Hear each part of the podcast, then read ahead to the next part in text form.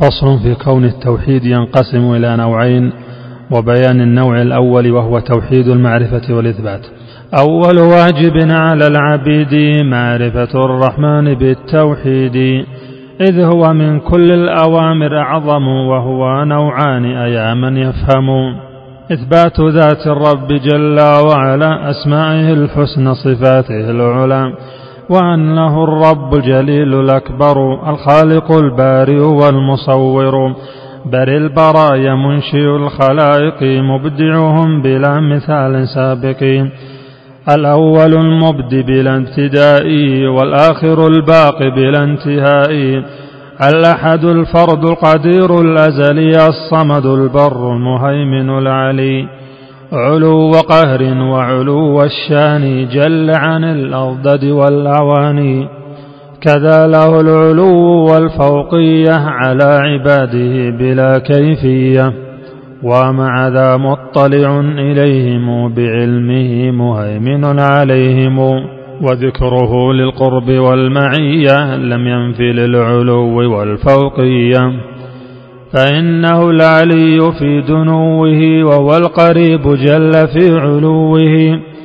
حي وقيوم فلا ينام وجل أن يشبهه الأنام.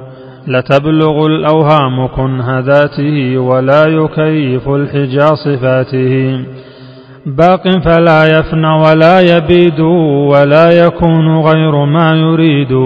منفرد بالخلق والإرادة وحاكم جل بما أراده فمن يشاء وفقه بفضله ومن يشاء ضله بعدله. فمنهم الشقي والسعيد وذا مقرب وذا طريد. لحكمة بالغة قضاها يستوجب الحمد على اقتضاها. وهو الذي يرى دبيب الذر في الظلمات فوق صم الصخر. وسامع للجهر والإخفات بسمعه الواسع للأصوات. وعلمه بما بدا وما خفي أحاط علما بالجلي والخفي. وهو الغني بذاته سبحانه جل ثناؤه تعالى شانه. وكل شيء رزقه عليه وكلنا مفتقر إليه. كلم موسى عبده تكليما ولم يزل بخلقه عليما. جل كلامه عن الإحصاء والحصر والنفاد والفاناء لو صار أقلاما جميع الشجر والبحر تلقى فيه سبعة أبحر.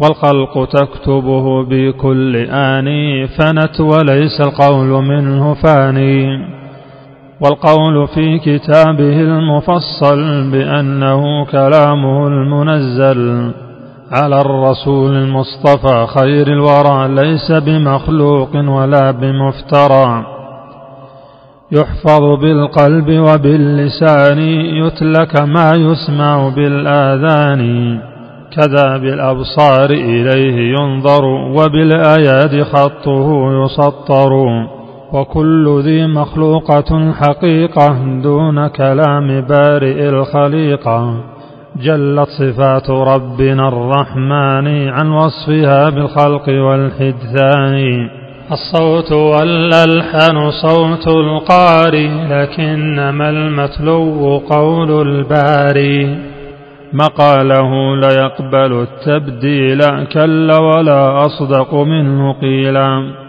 وقد روى الثقات عن خير الملا بأنه عز وجل وعلا.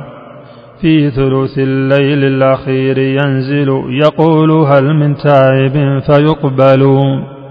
هل من مسيء طالب للمغفرة يجد كريما قابلا للمعذرة.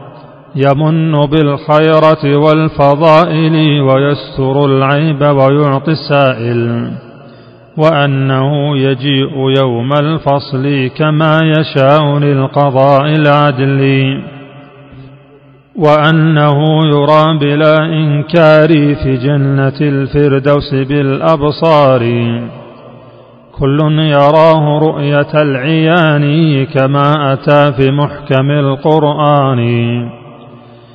وفي حديث سيد الآنام من غير ما شك ولا إيهام. رؤية حق ليس يمترونها كالشمس صحوا لسحاب دونها. وخص بالرؤية أولياؤه فضيلة وحجبوا أعداؤه. وكل ما له من الصفات أثبتها في محكم الآيات. أصح فيما قاله الرسول فحقه التسليم والقبول.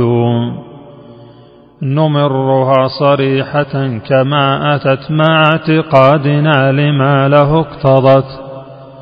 من غير تحريف ولا تعطيل وغير تكييف ولا تمثيل.